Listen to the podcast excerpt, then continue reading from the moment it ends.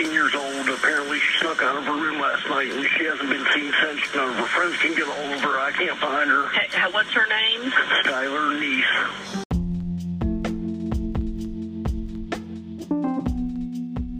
Komið sæl og verið hjartalega velkomin í podcast þáttin Íllverk. Ég heiti Inga Kristjáns og er þáttastjórnandi. Í þætti dagsins ætlum við að fara yfir mál Skylar Nýs, 16 ára stúlku sem mætti örlugum sínum allt of ung. Facebook, Twitter, Instagram, Mean Girls. Hversu slæm áhrif getur þessi blanda haft? Ég vil byrja á því að taka fram að íllverk er ekki við hæfi barna. Ég kem til með að tala um morð, ofbeldi, kynferðsofbeldi og fleiri íllverk sem fólk hefur framið. Svo ef þú ert viðkvæmur fyrir svona umræðum skaltu slokka strax og hlusta frekar á podcastáttin Frængunar, hinn podcastáttin minn, sem er kannski aðeins á léttari nótunum.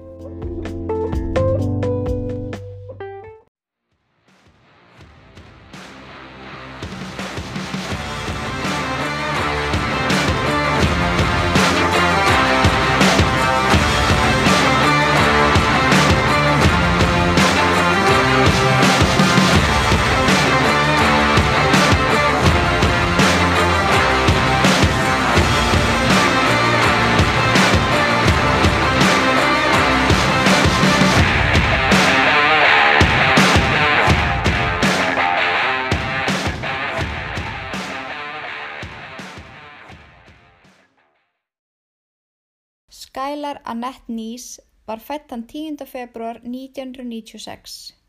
Fætt og uppalinn í Star City í vestur Virginia.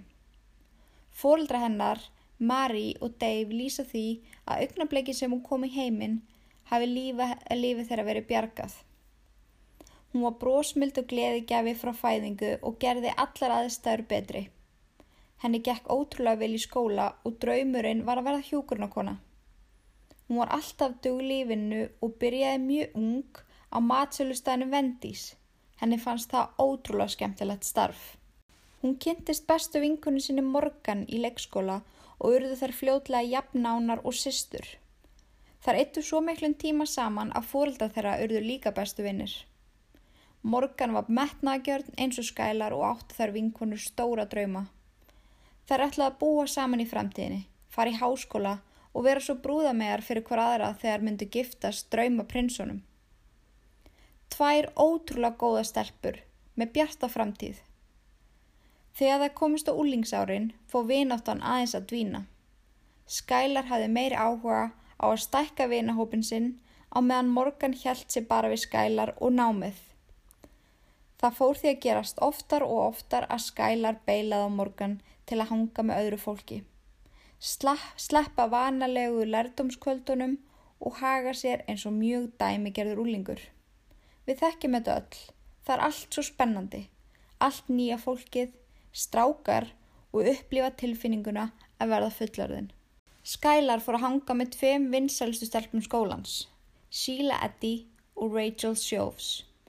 Hún hafði þekkt Sheila síðan þar voru leikskóla en aldrei verið hennar sérstaklega vinkunur, fyrir núna. Þær eruðu fljótt óaðskynarlegar og Morgan hætti nánast að sjá skælar. Sá hana rétt bregða fyrir á göngum skólans. Þær voru kallaða skittuna þrjár og voru þær eins og heimalingar heima hjá okkur annari. Það múi segja að skælar hafi verið klettur þeirra begja og trúnaðavinnur. Því bæði Síla og Rachel voru skilnaða börn og áttu þær báðar mjög erfitt með skilnað fóröldra sinna. Skæla var engabann og fóldrar hennar ennþá saman og þekkti því ekki alveg aðstæðnar sem stelpuna voru í. En reyndi samt sem áður alltaf að gefa henn góð ráð og vera til staðar fyrir þær. Mamma Skælar segir einmitt í viðtölum að dóttir hennar hafi verið að reyna að bjarga þeim. Hún var svo ótrúlega góð og tröst vinkuna og eins og ég sagði áðan urðu stelpunar eins og heimalingar heima í okkur annari. Fóreldrar Skælar tóku sílu og eddi eins og þær voru dætur þar að líka reiknuðu með þeim í kvöldmatt og hafðu alltaf plássferðar að þær vildu gista. Skemmtilegar, hávarar og dásela stelpur, segi móður skælar.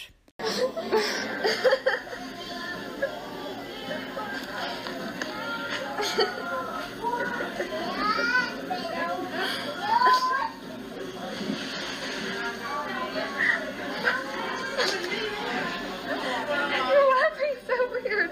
You're... Can you believe En stelpunar reyfast líka oft, svona eins og gengur og gerist hjá ólingstelpum. Strákadrama, vinkonudrama og stundum bara drama út af engu. Þegar reyfust notuðu þær Twitter sem partar sinni tjáningu og má, og má sjá þar posta þar sem þær eru augljóslega að beina skotunum að hver annari. Eins og til dæmis 31. mæ 2012 tvítar skælar.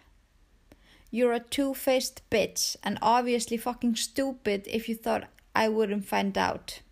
Viku setna kom síðan tvítið Too bad my friends are having lives without me. En þarna voru, uh, þarna voru Sheila og Rachel að hittast án skælar og ekki láta hann að vita af því.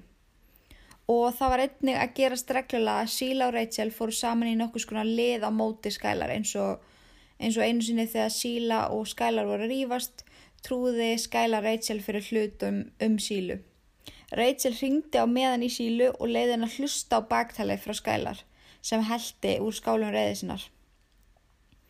Þetta tiltakna atriði bjóti virkilega mikið drama og nakkri yfir stelpunar dag eftir dag.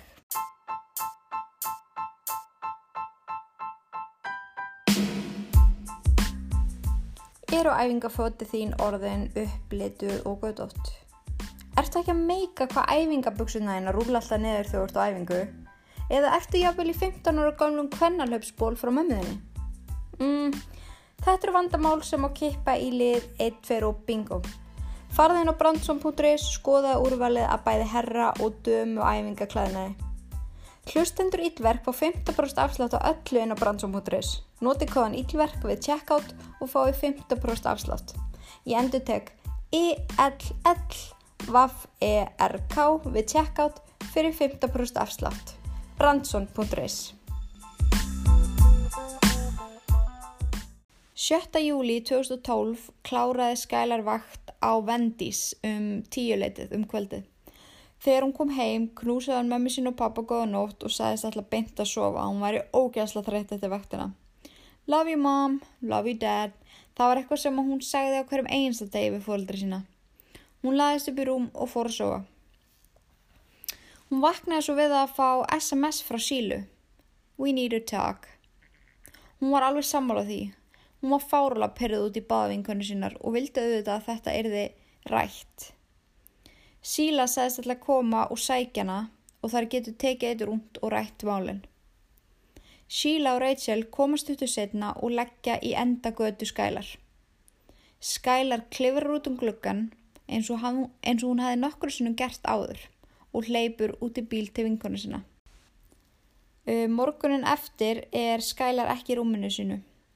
Fóldra hennar komast að því um hádegi þegar pappinar kemur heim í hádegismat og sér að það er ekki búið að búa um rúmið eins og er vanlega gert. Ring, hans ringir sérst í sílu og spyr hvort að hann, hún hefði séð uh, Skælar og hún segist ekki hafa, hafa séð hana.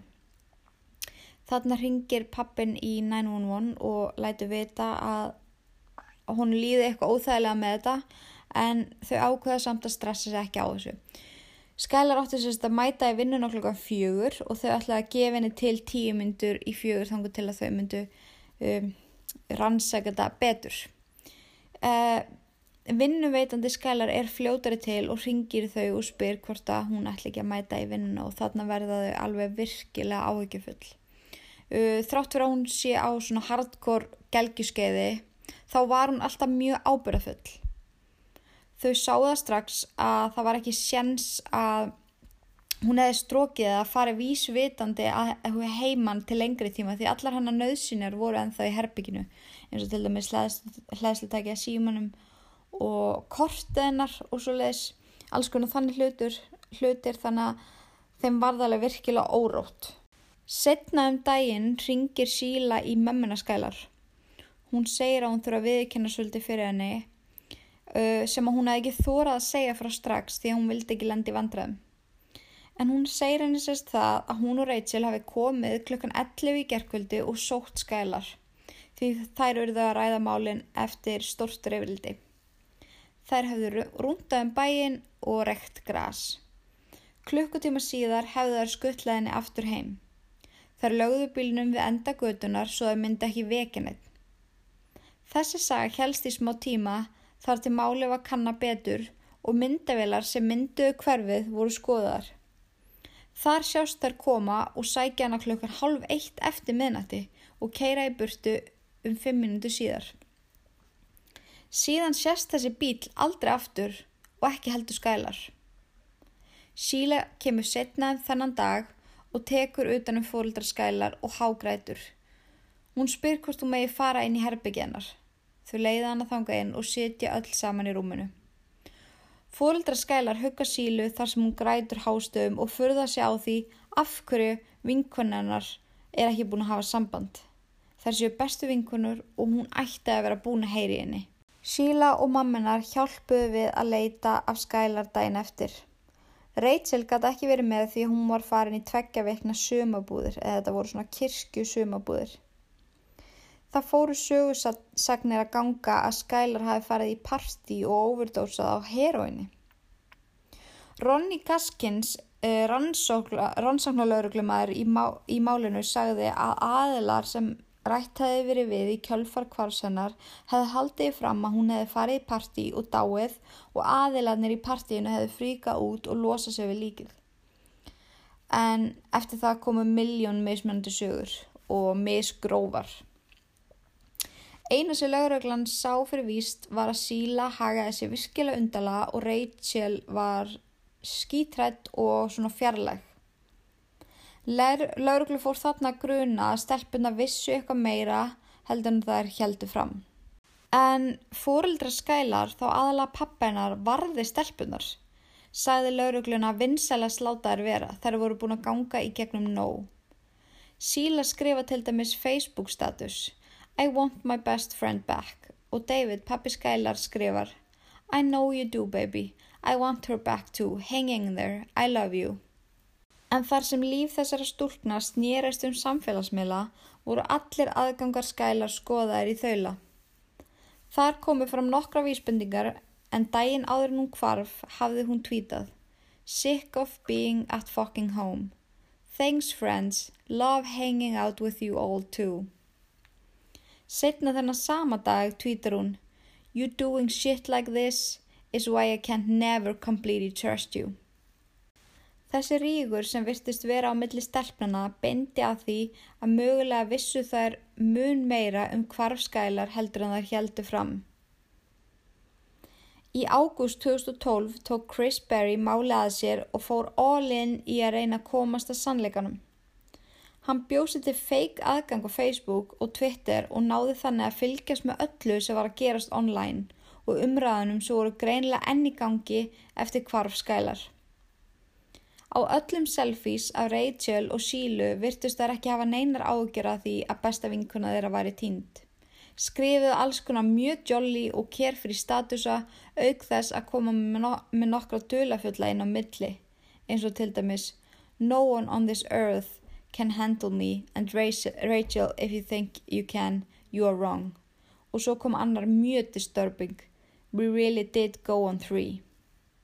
Í rauninni skildi enginn þessa status eða þýðinguna á baku þá en það mun koma í ljós þegar líður á málið um, um hvað þessi status er snýrust og það er virkilega disturbing þegar maður fattar.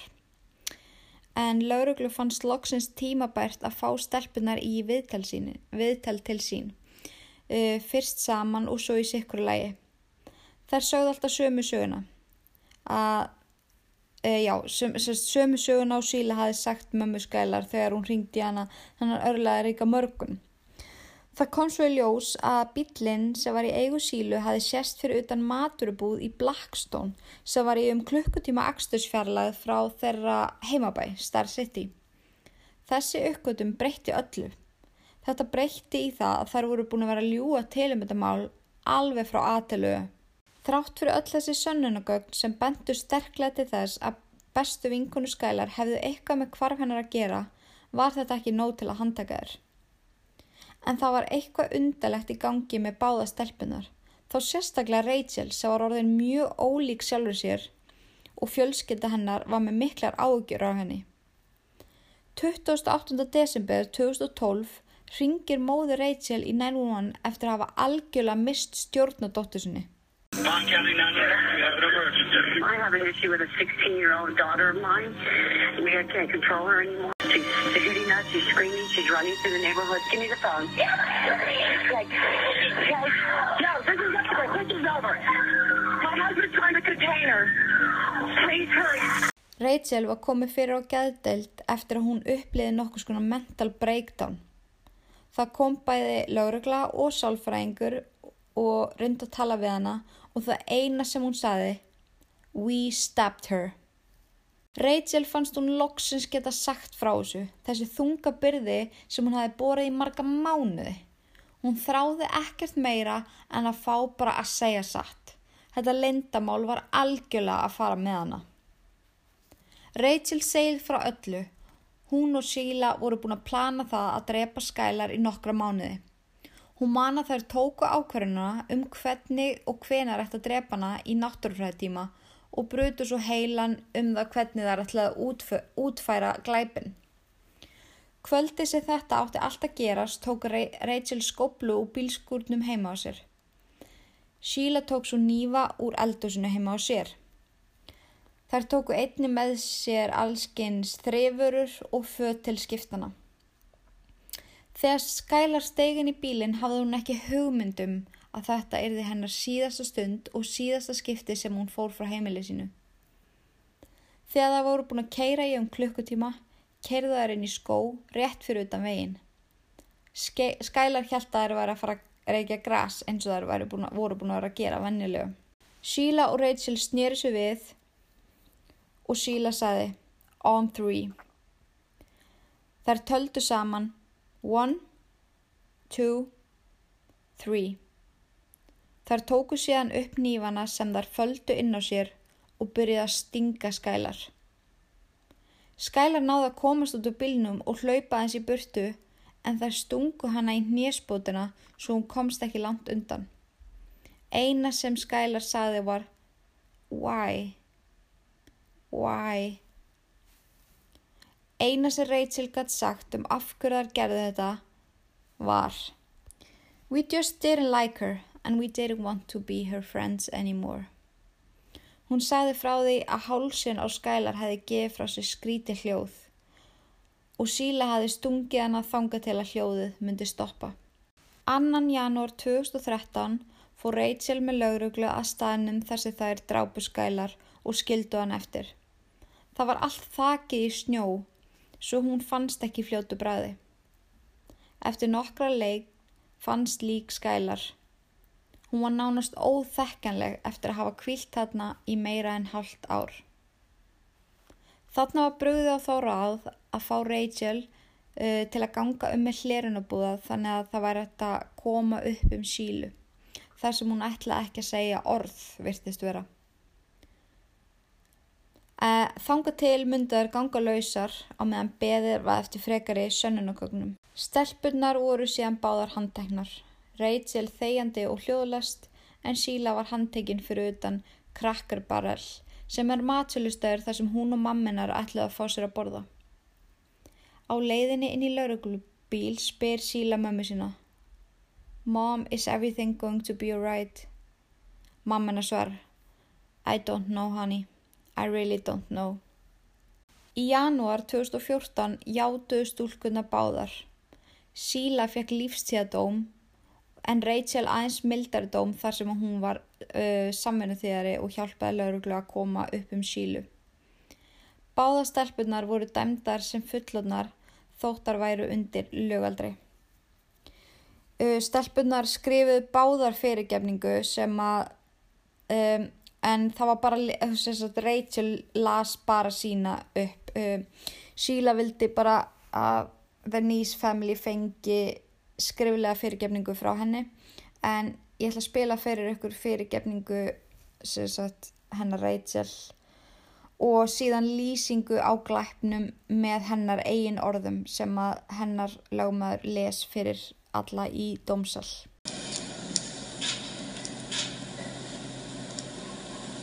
I'm so sorry. I don't know if there's a proper way to make this apology because there are not even words to describe the guilt and remorse that I feel each day for what I've done. The person that did that was not the real me, not the person I am, not what I'm made of, and not what I believe in. I don't think I ever thought that this would actually happen. I became scared and caught up in something that I did not want to do. I never realized the gravity of my actions and how many people I've hurt. I hurt the Niece family and those who love Skylar. I hurt my parents and shamed my family. I hurt my extended family and all of my friends who loved me. I hurt my teachers and those who believed in me. I hurt my church family, my community, and those who trusted me.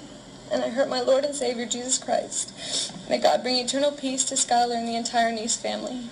Again, I'm so sorry, and I pray each day for everyone involved, and I pray each day for forgiveness. 2013. And this is information from the documentation of her statement to police on that day. She said, We stabbed her, referring to herself and Sheila Eddy, stabbing Skylar Neese. They killed Skylar because the girls always fought with Skylar, and she was, quote, in the way of the friendship between Rachel and Sheila.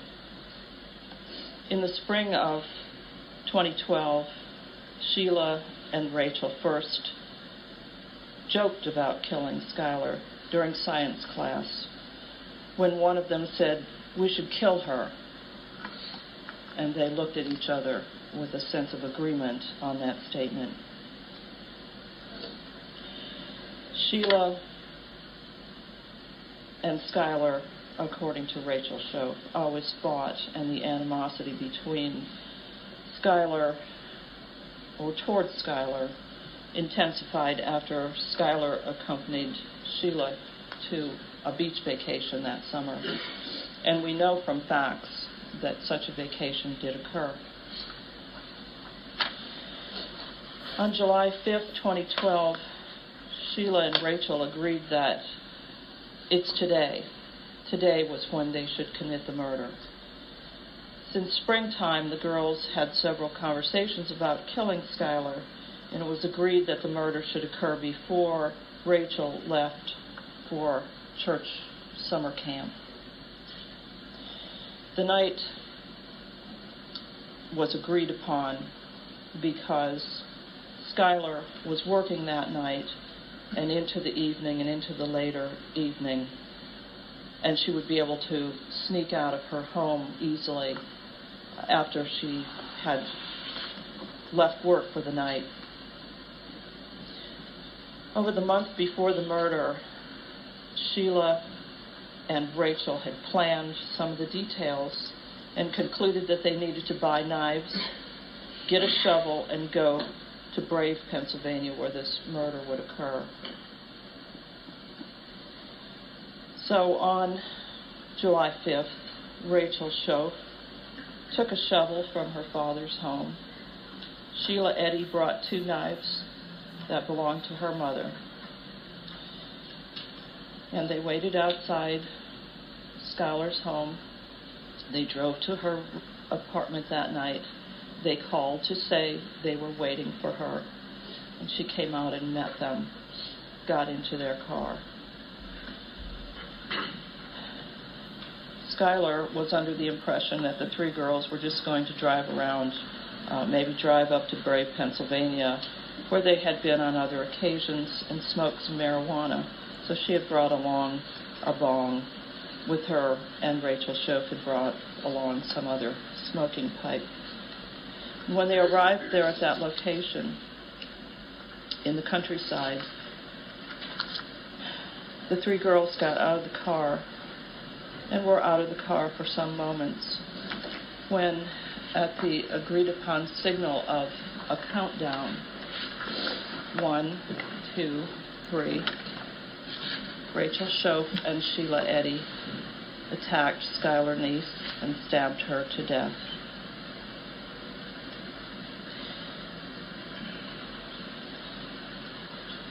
Skylar attempted to run away, but Rachel Shoaf tackled her she told police. Rachel Shope described the scene as having lots of blood and it was never cleaned up. Following the attack, and blood remained on the gravel road. Rachel Shope estimated that Skylar was stabbed 10 times before she died. And she explained that during the attack, Skylar's niece, ne- Skylar niece's neck made weird sounds, and they both continued to stab her until those noises stopped. At the time of the murder, Skylar, was dressed in a yellow tie-dye shirt and green shorts. She had taken a purse with her that was left in the car. They threw that purse away. They thought Skylar's cell phone would remain where her body was left. And in fact, it was found there, Your Honor. David Nýs pappi Skælar segir í réttarhöldurum að þær séu alls ekki að, að húst að þær ættu alls ekki að fá vægari dóm fyrir það að vera á ungar. Þær voru báðar illar og núna væri þær á nákvæmlega þeim stað sem þær ættu skilið að vera læstar inni frá allt og öllum og hann fór einmitt það fór svolítið langt, þú veist, hann væntalega er ótrúlega reyður og hann sagði ég vona að þær verði barðar til bana í, í fangelsi og veist, það er ekki hægt að ímynda sér hversu erfitt það er að missa batni sitt í hendunar á einhverju svona sem hefur í rauninni engan, enga ástæðu og líka til manneski sem er búin að vera inn á heimluninu þetta eru manneski sem þú taldiði þekka manneski sem þú taldir elska dóttuðina og að þurfa svo að kingja því að hafa ekki þekktar betur auðvitað fáralega erfitt en hann let einmitt út úr sér ímislegt svona að hann vonaður myndu einmitt vera lamtandi dauða og hann hataði þær og alls konar þannig þannig að maður verður að gefa hann smá skilning þótt að þótt að það sé kannski svolítið brútal en þær fóru líka brútali með dóttur hans Thank God it's over. And you know, she's getting what she deserves. Judge Claude just made sure of that. Marcia made sure of that. And she'll be in a place where people just like her. End that chapter now and you can begin maybe that process of healing more at this point? No, I don't think it ends anything. It just, it's the same as it was. It just made sure one animal got put away. Have either the Shows or Eddies reached out to you guys at all? Uh, the Soaps had written a letter when uh, Rachel uh, pled guilty, but uh, the Eddies have not, no. Would you want them to? Do you care at all? Not really. I don't really care what they have to say. I found out what I needed to know.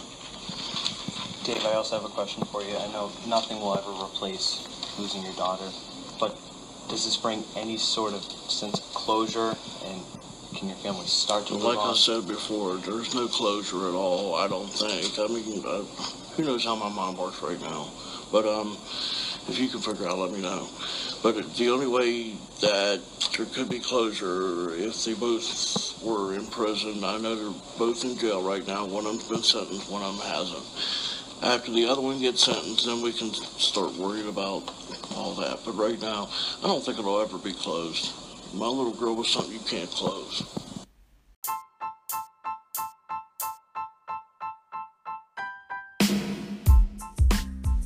Vissir þú að rannsóknir sína að 80% kvenna ganga í vittlurössi stærð af brjóstaraldra?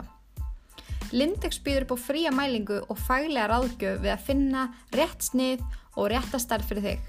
Puss-up, spangalös, silki eða blunda, í Lindex finnur þú þinn eina rétta. Kíktu við í næstu verslun og nýttu þér þessa fráböru þjónustu. Lindex. We make fashion feel good. Nokkrum árum eftir réttarhöldin komu upp meiri upplýsingar frá fjölskyldumæðlum eða vin sílu. Það er ekki alveg gefið upp sérst hver það er en það er alltaf breyttur röttinni og aldrei sagt neitt nafni eða neitt svoleiðis hver þetta var sem uh, gaf sér fram. En sá aðili segir að ástæða þess að stelpunar stungu skælar til bana var því að voru hrættar að sannleikur kemi í ljós. Það meikaði engan sens að þær hefðu gert þetta því að það vildi ekki vera vinkunur hennar lengur. Það er bara allt og liðlega ástæða. Þær voru bara hrættar. Þær voru búin að vera að rífast mikið við skælar og óttust það að hún myndi nota þeirra stærsta lindamál gegn þeim í hefndaskinni. Um, mér persónulega finnst alveg ótrúlegt að þetta hafi ekki komið í ljós um, fyrir þarna. Því um leiðu þetta kemur í ljós segi móður skælar að hún hefði lesið um þetta lindamál í dagbók dóttur sinnar. En samt hafði aldrei heyrst neitt um þetta. Allavega ekki svona publicly. Uh, sérst, sagan úr dagbókinni var orðrétt eins og þessi fjölskyttu meðlemi lísti þannig að þetta segir mér það að þetta hlýtur í raunin að vera satt og staðrind. En því er sérst haldið fram og síðan staðfæst að Sheila, Eddie og Rachel hefðu verið í kynferðislu sambandi og oftar en einu sinni og oftar en tvísvar stundar kynlíf fyrir framann skælar. Uh, í dagbókafæslu skælar skrifar hún að þær hefðu beðið hana að taka þar upp stundar kynlíf og þær væri að vinna því að búa til eitthvað svona klámynd eða klámynd, kynlífsvídeó. Um, já, hún hafði, þær hefði sérst beðin um að gera þetta og henni hefði fundist þetta ógeðslega óþægilegt en samt einhvern veginn gert þetta. Þegar Síla og Rachel eru spurðar út í þetta þverneita þær fyrir þetta og í rauninni er ekkert að sanna þetta rétt meira. Eina sem er hægt að sjá út úr þessu er að skæla skrifa þetta í dagbúkinu, hún segir engum frá þessu. Þannig að akkur ætti hún að vera eitthvað að skrifa ykkur að lega svo í dagbúkinu sína og svo segir þessi fjölskyttu meðlumur þetta. Þannig að ég ætla hana, ég ætla hana trúi frekar þessu heldur en þessum tveim stelpum því að þær hafa ekki gert neitt annað en að ljúa en þá er áhugavert að vita hvað þið haldið. Um, finnst ykkur þetta að vera legit ástæða til að drepa ykkur? Uh, allir hafi verið hrættur um að skælar hafi eða myndi dreifa þessu út að það voru að rýfast og allir hafi mögulega hótað þeim því að þótt að skælar virðist og var alveg 100% ótrúlega svona ljúf stelpa þá kom hún alveg með nokkra brútal status að það sem hana þess að þið voru svona eins og hótanir fattiði mig Þannig að það var áhugavert að vita hvað ykkur finnst. Sirkjandi fóreldraskælar minnast engadóttu sinnar alla daga. Þau heimsækja eitt tildegi tré í Pennsylvania þar sem að hún var myrst. Það tré er algjörlega kofirað í myndum af skælar. Fallega og góða dóttera sem var myrt af tveim öfunsjúkum úlingstúlkum. Mér langaði að taka þennan hræðilega atburð og reyna að breyta honum í eitthvað gott, segi David, í stað, um, svona í stað þar sem fólk sem elskaði skælar getur komið og minnst hennar. Uh, út frá kvarfi og síðan morðmáli skælar nýs voru gefin út ný lög sem eru kölluð Skylar Law. Skylar Law. Uh, þau snúast um það að Amber Alert, um, sem er í rauninu svona neyðar útkall, uh, sé gefið út þegar bara þegar barn hverfur, sama hversu stuttu tími er, er síðan. Þótt svo að það ekki verið bjargaskælar í þetta sinn og af því að hún var drefin áður en fóreldrarna föttu hún væri eins og tínd, þá gefur þetta mörgum fóreldrum aukna vonu öryggi að vita til þess að það er grepi strax til örþröfa mála. Það sem fóreldraskælar miðla til fólks er að fylgjast vel með börnunum sínum, fylgjast með netnótkun og líka með hvernig þau eru að hanga og reyna að kynnast vinum barna sinna. Bjóða, að, það sem þau sjá svo eftir er að hafa ekki kynst þeim betur. Þau þekktu sílu ágætla því hún var svo mikið inn á heimilega en þau, en þau til dæmis þekktu Rachel ekkert þannig persónlega. Þannig að það er eitthvað sem að þau vilja miðla til fólks. En þetta var mál Skylar Nýs. Það er alltaf ekstra áhugavert að ræða svona mál, svona úlningsdramamál þar sem að á vissum tímapunkti í lífinu tengi maður svo ótrúlega mikið. Við baktal, reyfrildi, samfélagsmiðla, miðsnótkun og ég sá sjálfa mig sem úlning svo oft í nákvæmlega sömu aðstæðum. Þar sem vinkonum mínar virtust hafa sveikið mig og manni fannst allt svo ógísla ósangjant og ömulegt. Spurning hvort það er af ykkur tíman íhuga að drepa mig. Hmm. Þetta er allavega alveg ótrúlegt hvernig svona unga stelpur ákveða að fara þessa leið bara því þeim líka ekki við hana og vildi ekki vera vinkununa lengur. Mér persónulega finnst þetta mjög léleg ástæða þótt að engin ástæða sé góð til að drepa ykkur. En ég veit að tilfinningar úlings eru ótrúlega miklar en róm okkur kannski aðeins. Ég er allavega á þeirri skoðun að þessar stelpur hafi verið og séu virkilega veikar og illar og besta í stöðunni er að hafa lokar inni það sem eftir er að þeirra æfi. En ég hlakka virkilega til að heyra í ykkur eftir að ég posta þættinum inn á Facebook síðu Ílverk og ég auðvitað hveti ykkur til að fara og joina þá grúpu. Það náðu þið svona að fylgjast betur með þegar ég seti nýja þætti og öllu sem er svona á döfinni og ef það er einhverjar umræður og svo leiðis í gangi. Uh, en þeir fara bara á Facebook, skrifi ítlverk og ítið á join group og ég mun að sefta ykkur strax og ég sé. Svo vil ég náttúrulega minna það að þið getið hlusta á ítlverk uh, á Apple Podcast, uh, Spotify, Stitcher, á bara öllum helstu podcaststöðum, með þess að líka fyrir Android. Ég held að það heiti Google Podcast. Þannig að það ætti ekki vera neyn afsökun að þið finnið ekki þáttinn. og endilega ítið á subscribe, gefið mér 5 stjórnur og deilið með vinum ykkar ef eitthvað finnst þetta skemmtilegt því að það hjálpa mér ótrúlega mikið og kemur þættunum íllverk en þá meira á framfæri og það er auðvitað markmið svo ég geti gefið út miljónskriljón þætti í viðbútt.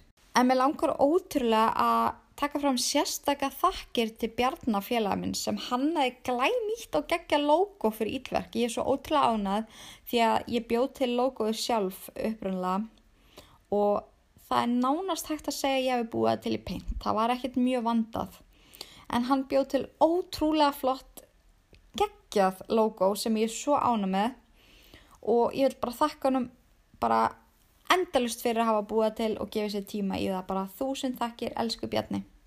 En þánga til næst, vinsalast, krakka mínir, forðust öll ílverk nema þetta podcast. Verðið sæl.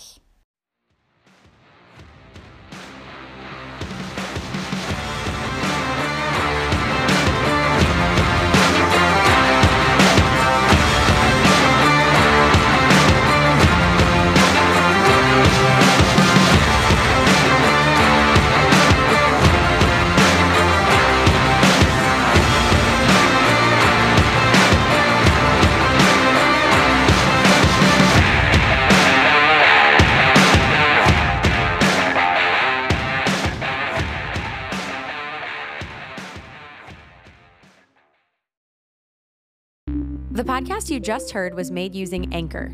Ever thought about making your own podcast? Anchor makes it really easy for anyone to get started. It's a one stop shop for recording, hosting, and distributing podcasts. Best of all, it's 100% free. Sign up now at anchor.fm slash new. That's anchor.fm slash new to get started.